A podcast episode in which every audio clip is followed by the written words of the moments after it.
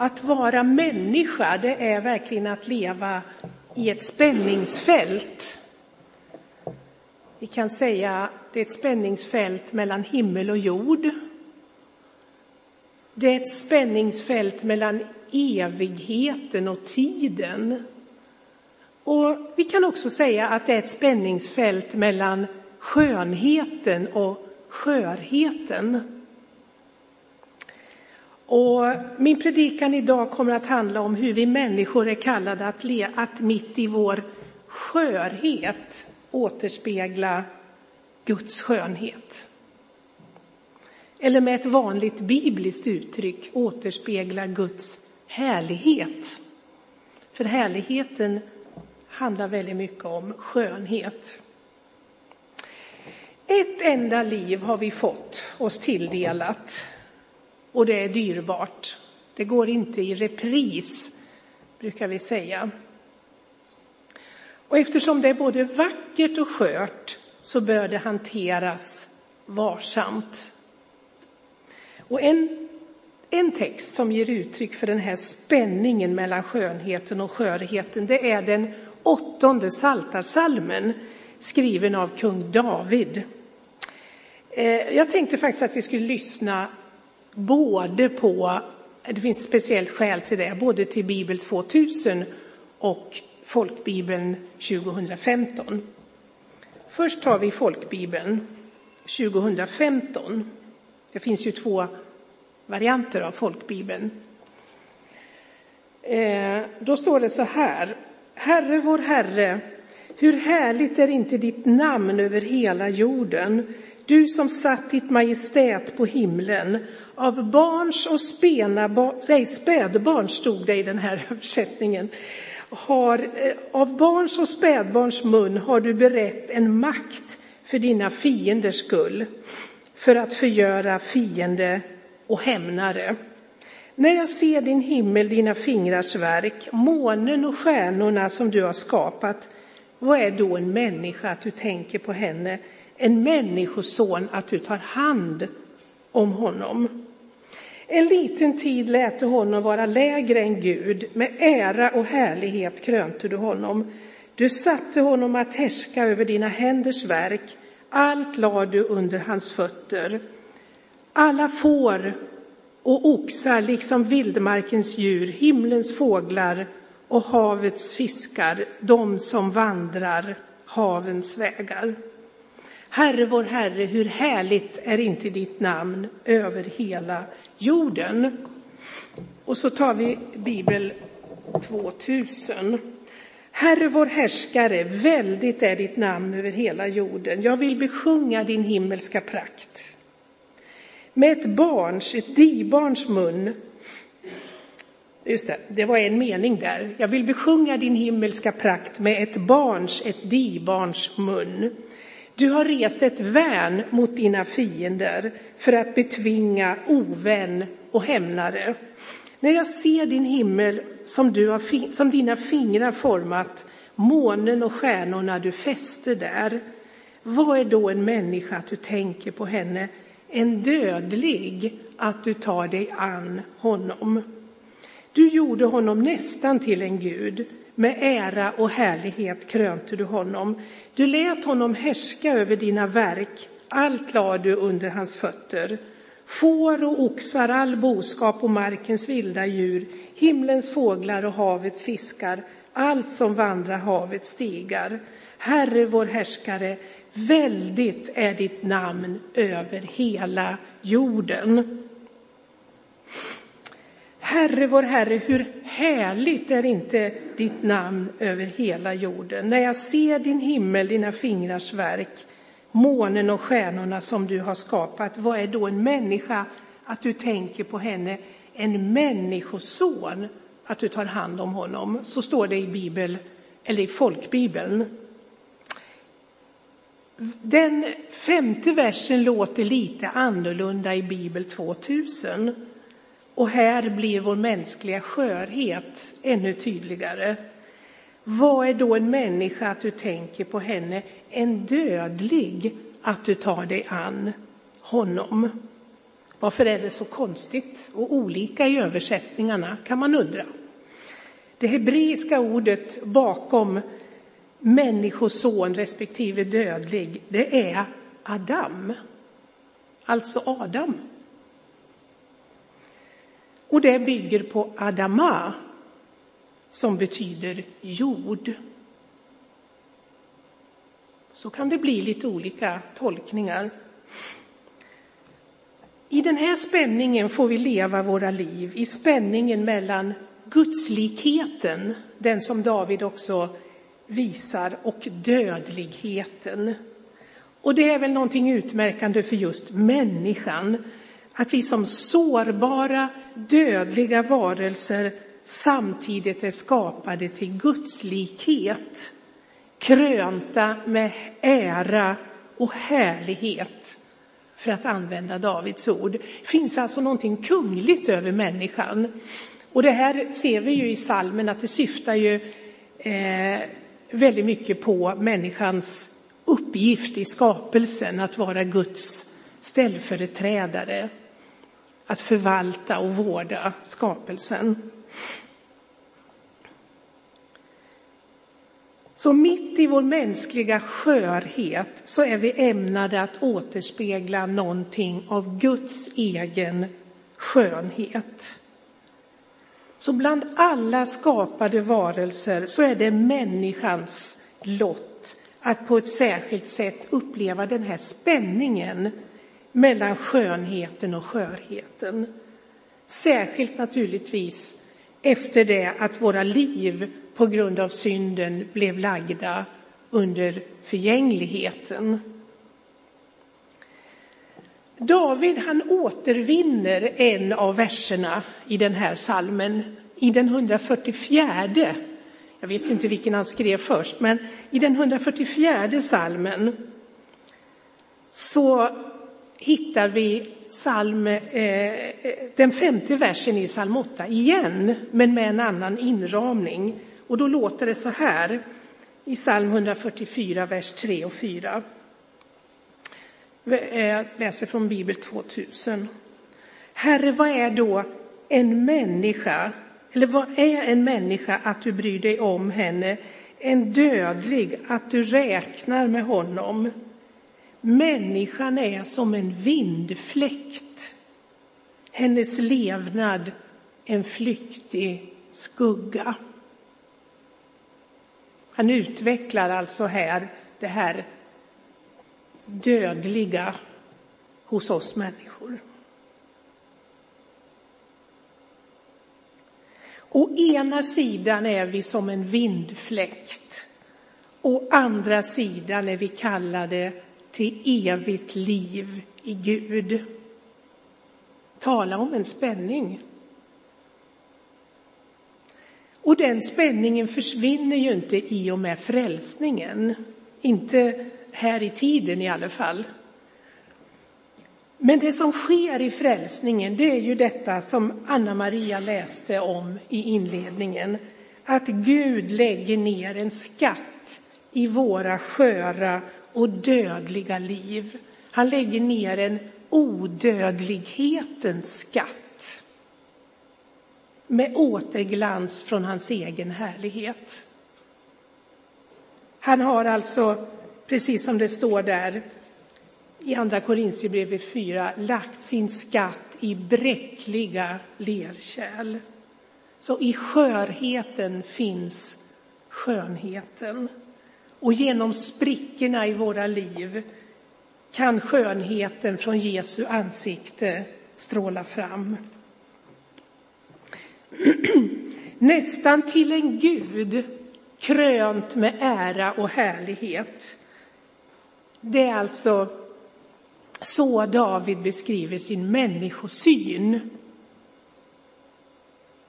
Och den människosynen är djupt förankrad i hans gudsbild.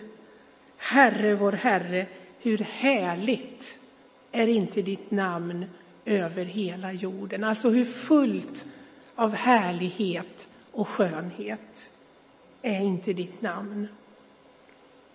Guds skapelse återspeglar Guds härlighet och skönhet. Och det var också så Gud tänkte när han skapade oss människor och när han krönte oss med ära och härlighet. Den Gud som själv är skönhetens källa, han har, som det står i en norsk sång, format sitt sigill i oss. Han har format sitt sigill i oss. Han har skapat oss efter sin egen bild. Ja, inte bara det, med sig själv som förebild. Eller närmare bestämt med sonen, med Kristus som förebild.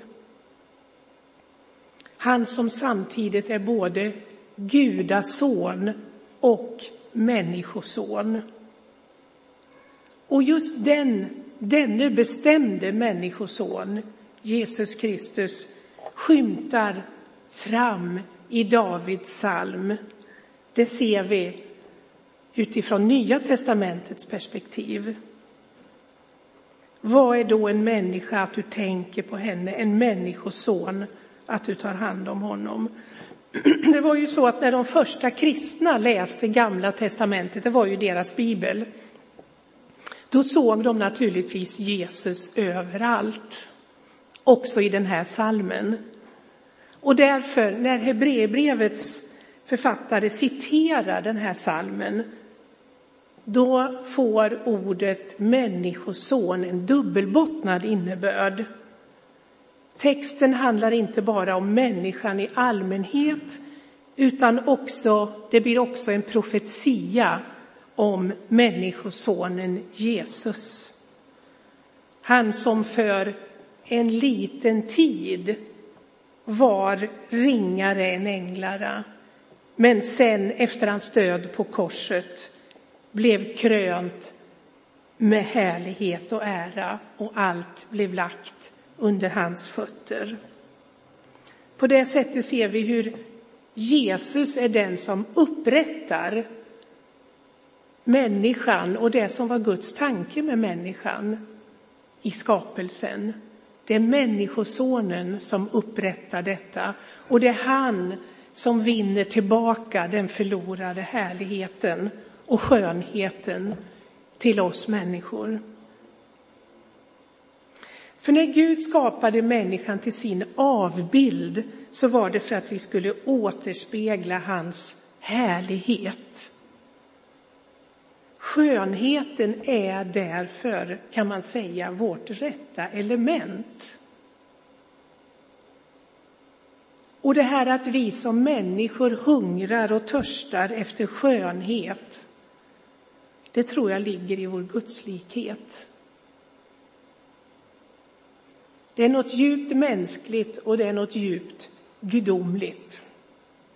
Vi dras till skönheten därför att vi från första början har blivit märkta av Guds härlighet. Därför att vi har hans sigill på oss, eller i oss.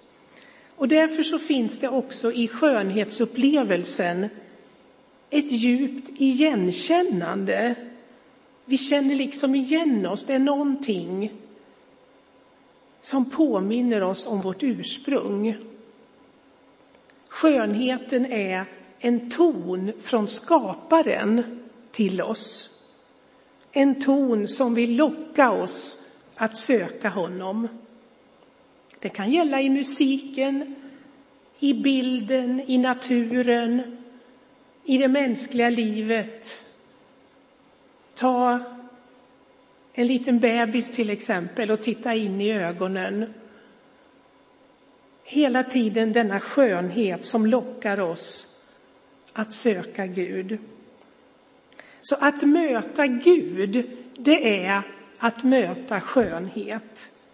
Att leva med Gud är att bära den där skatten, den där skönheten som aldrig ska vissna.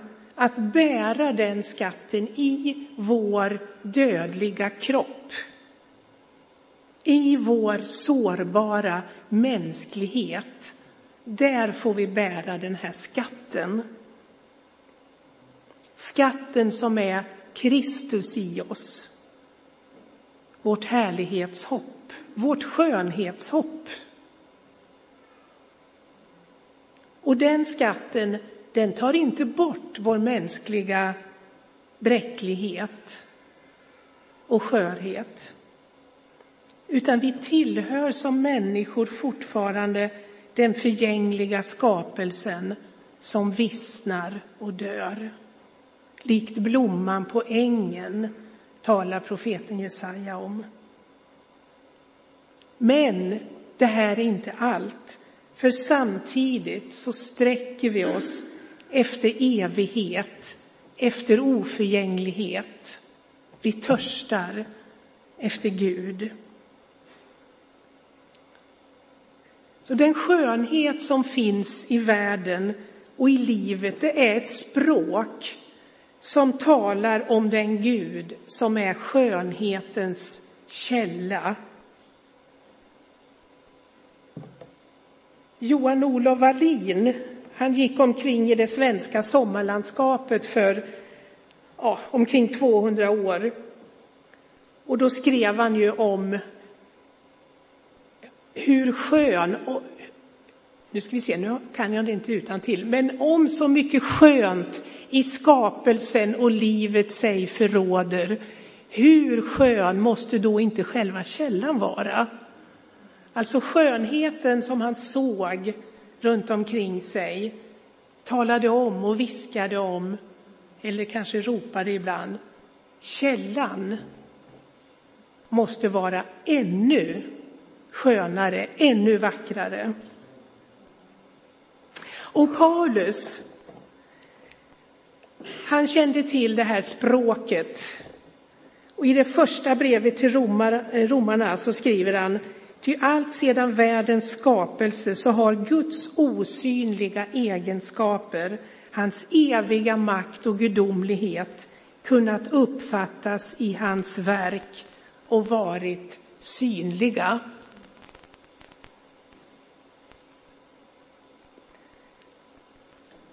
Om vi nu där gör ett tankeexperiment, vi tar och tänker bort Gud. Då blir, tycker jag, skönheten ganska obegriplig. Precis som godheten, kärleken, sanningen och rätten blir rätt så obegripligt. Om alltets, världsalltets innersta är tomhet, vilket det är om inte Gud finns där, varifrån kommer då skönheten? Och varifrån kommer vår egen dragning till skönheten? Om allt är tomhet blir skönheten egentligen som ett språk utan mening. Det blir ett löfte utan någon täckning.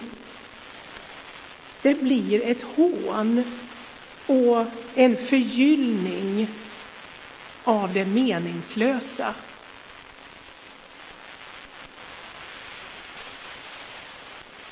Men frågan som vi måste ställa är inte bara varifrån kommer skönheten och vår dragning till den, utan egentligen får vi också undra varifrån kommer fulheten? Det som också finns i världen. Det är inte allt som är vackert. Och ibland till och med så har människan uttrycker en dragning till fulheten. Var kommer det ifrån? Och en annan fråga, varifrån kommer den där smärtkänslan som ibland blandar sig in i vår upplevelse av skönheten? Vi säger ibland, det är så vackert så att det gör ont. Varför detta stråk av vemod i vårt möte med skönheten. Jag tänker att det kanske beror på att det gör ont att påminnas om det man har förlorat. Så där var det, så där skulle det vara. Så där var det tänkt. Och vad är det då vi har förlorat? Jo, Paulus han konstaterar längre fram i Romarbrevet i kapitel 3 att alla har syndat och gått miste om härligheten från Gud. Vi har förlorat skönheten från Gud, härligheten från Gud, den ograverade skönheten, det där fullödiga livet i Guds närhet. Det är vårt förlorade paradis. Och därför, när vi nu uppfångar en ton från den där bortglömda musiken, en skärva av den där bilden som gick sönder, så vaknar också smärtan. Och själva skönheten blir en påminnelse om livets skörhet. Så här vackert är det inte alltid. Och vi påminns också i mötet med skönheten om vissnandet. Att vårt liv är obeständigt och flyktigt som en vindfläkt. Vi påminns om att allt inte är vackert. Det finns sånt som gör ont och ännu värre, det finns sånt som är ont. Egentligen så finns det ett djupt samband mellan skönheten och godheten. Det är ju så när någonting blir skapat så är det alltid ett uttryck för någonting som finns i den som skapar. En konstnär lägger något av sin själ i sitt konstverk, i sin musik och så vidare. Och det är därför det blir så vackert när Gud skapar.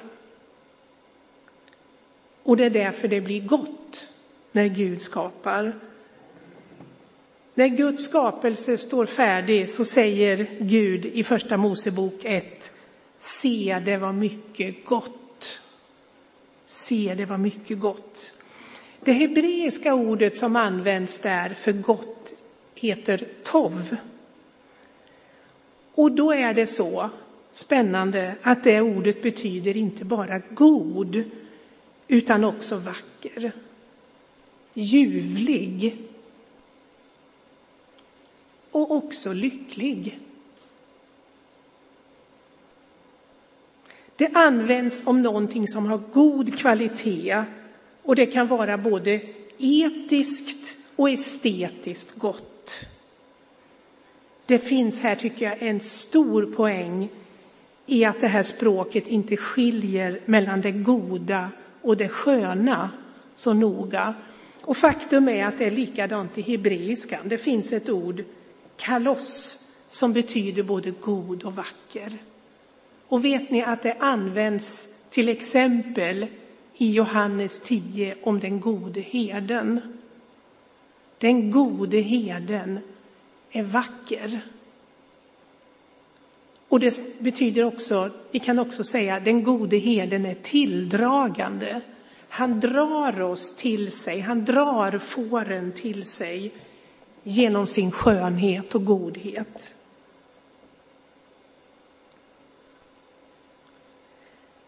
Det finns också ett djupt samband mellan skönheten och livsmodet, eller hoppet.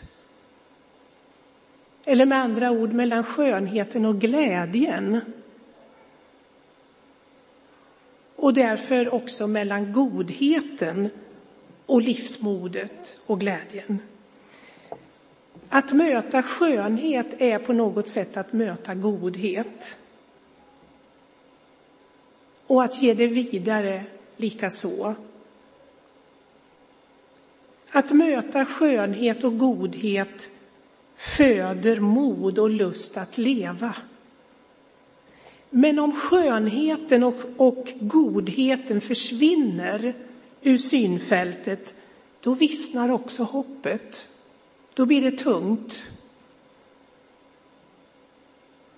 Men å andra sidan så kan en enkel beröring av skönhet ge kraft att orka lite till. Och det gäller inte bara inre skönhet utan också den skönhet som vi uppfattar med våra sinnen. Så på något sätt berättar både den inre och den yttre skönheten om att godhet finns, att Gud finns, att liv finns, att det inte är meningslöst. Det finns ju exempel från, alltså vittnesbörd från koncentrationslägren och även andra omänskliga förhållanden om hur ett litet intryck av skönhet kunde förmedla en gnista av livsmod och motivation att hålla ut lite till. Jag vet att Viktor Frankl till exempel berättar om det här. Så är det inte också så att djupa skönhetsintryck på något sätt rör vid vår längtan efter godhet? Vår längtan efter att själva vara goda och sanna, eller med ett annat ord vackra. När vi ser skönhet vill vi själva bli vackra och när vi möter godhet vill vi bli goda.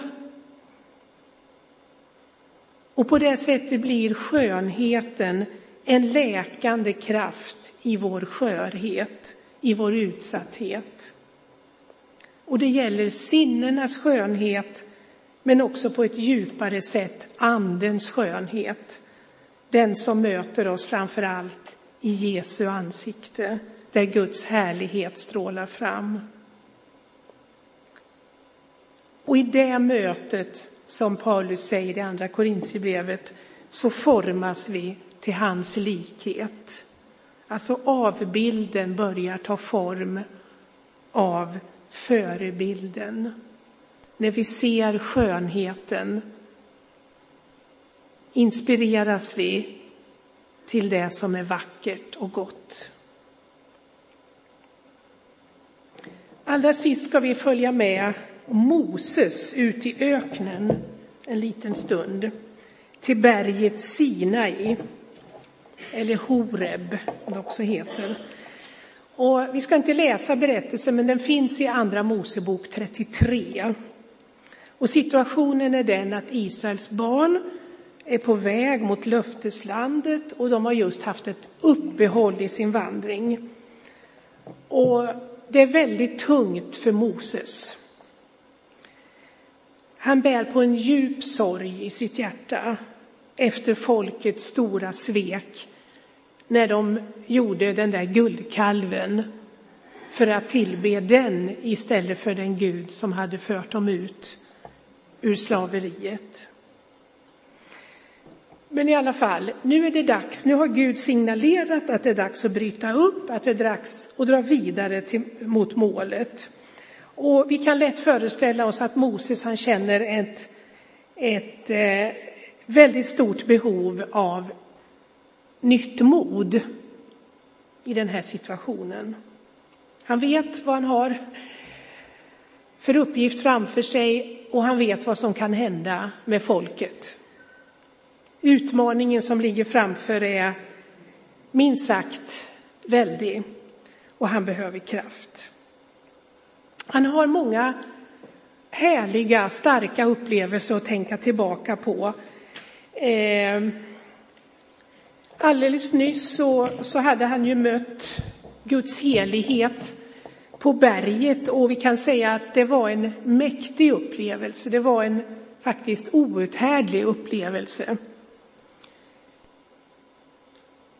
Och Moses han minns också en annan gång i samma öken när en buske plötsligt började brinna av Guds härlighet. Och det hade varit en sån där genomgripande upplevelse i samband med hans kallelse som satte djupa spår. Men det räcker inte med allt detta som ligger bakom, utan nu är Moses desperat. Han vet i djupet av sitt hjärta att han måste än en gång få se en glimt av Guds härlighet och skönhet om han ska orka vidare med sitt tunga ansvar. Så han har just talat ut med Gud om sin villrådighet inför den fortsatta färden och så ber han en mycket djärv bön. Andra Mosebok 33, 18. Han ber till Gud, låt mig se din härlighet. Låt mig se din härlighet. Och Gud han svarar i nästa vers. Och nu läser jag från eh, 1982 eller 1917 års översättning.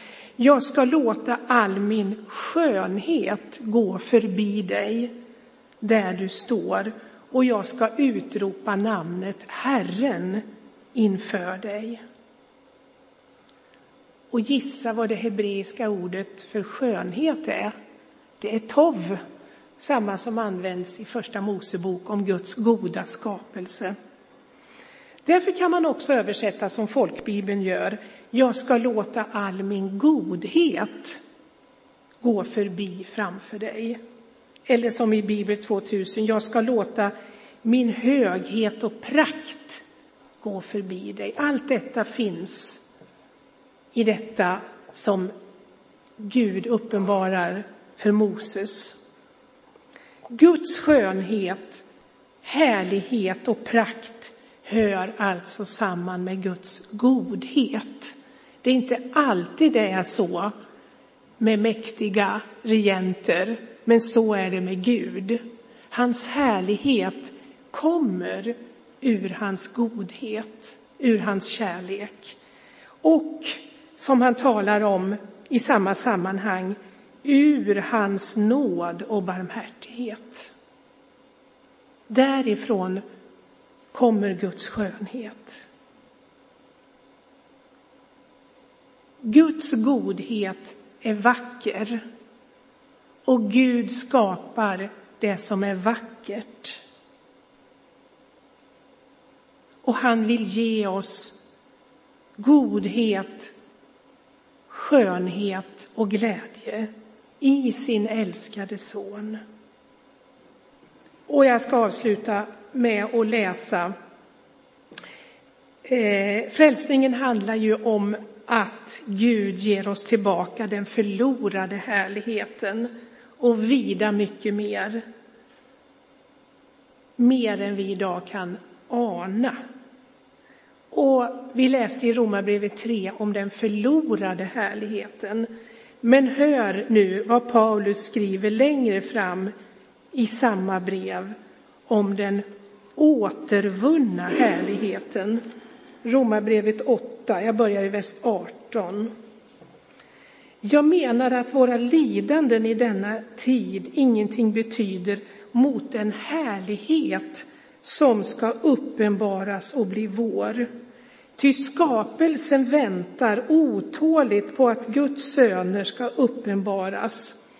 Allt skapat har lagts under tomhetens välde, inte av egen vilja utan på grund av honom som vållade det, förmodligen Adam.